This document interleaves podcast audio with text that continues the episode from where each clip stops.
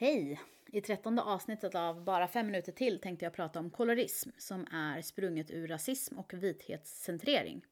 Även om kolorism är ett resultat och konsekvens av rasism så är det viktigt att kunna särskilja dem åt då kolorism ofta existerar även inom samma community av rasifierade och etniska grupper.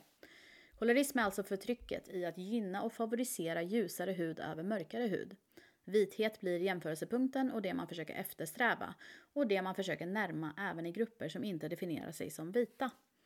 Studier visar att personer med ljusare hudfärg ges privilegier som de med mörkare hudfärg inte får.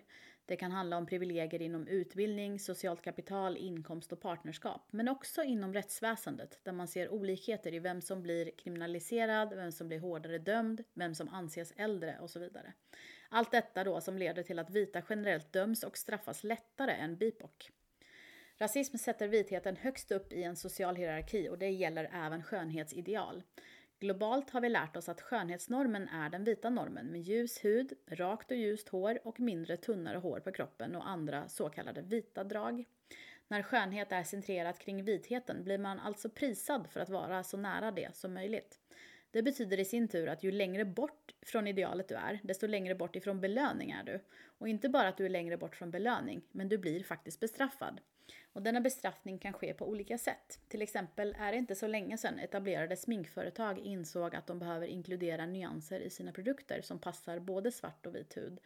Ändå är det fortfarande otroligt vanligt att nyanser som är för vita heter till exempel tan eller skin. Som att vit hud och dess eventuella solbränna är default och utgångspunkt för vilken färg och nyans hud ska ha. Ni vet precis som strumpbyxor och plåster med så kallad hudfärg som utgår ifrån samma vithet. När brun och svart hud representeras i sminkhyllor kan det fetischiseras istället genom att kallas ätbara saker som till exempel caramel, coffee och chocolate. Detta ser vi alltså på hyllorna vi går till för att komma närmare ett slags ideal och skönhetsnorm. Samtidigt som det är svårt att hitta smink i nyans som passar din hudfärg så existerar också blekningsmedel så att du verkligen ska förstå att det som är utanför vithetsnormen är fel och att du ska kemikaliskt behandla det till ljusare. Europeisk kolonialism skapade en hierarki och använde hudfärg som ett slagträ i sitt förtryck och sitt rättfärdigande av detta våld som begicks mot ursprungsbefolkningar och svarta. Förslavning i samband med kolonialismen i USA visar ett väldigt tydligt exempel på hur kolorism användes. En klassisk manöver som divide and conquer, när man delar upp förslavade i svarta med mörkare hud och de med ljusare hud. Förslavade med ljusare hud som ofta var resultat av att vita män våldtog svarta kvinnor fick delta i mindre ansträngande uppgifter som till exempel hushållssysslor inomhus medan förslavade med mörkare hud deltog i arbetet som ansågs hårdare utomhus. Ännu ett sätt att splittra de förslavade var att sätta dem med ljusare hudfärg i en slags maktposition över dem med mörkare hud. Till exempel genom att de med ljus hud skulle övervaka och se till att de med mörk hud utförde sitt hårda arbete.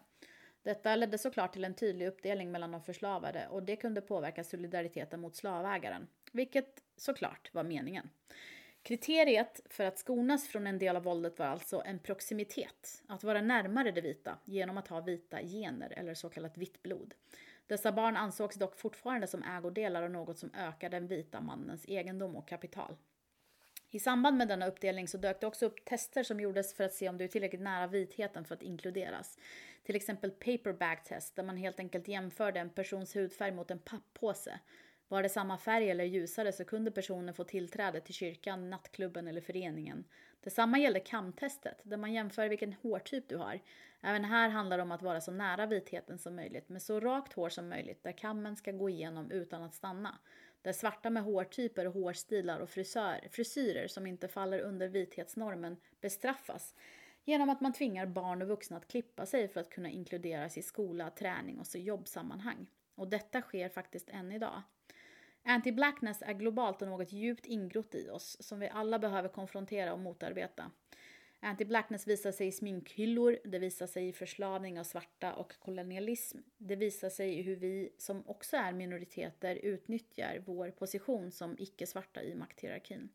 Det visar sig i vårt språk att mörkt är negativt och ljust är positivt. Och det visar sig i representationen i media än idag, där de få svarta personer som syns på till exempel omslagsbilder i stora modetidningar blir photoshoppade så att de får ljusare hud. I nästa veckas avsnitt kommer jag att prata om misogynoir, det vill säga kvinnohatet som är specifikt riktat mot svarta kvinnor. Tills dess så finner du mig på Instagram där jag heter aram jajar. Ha det så bra!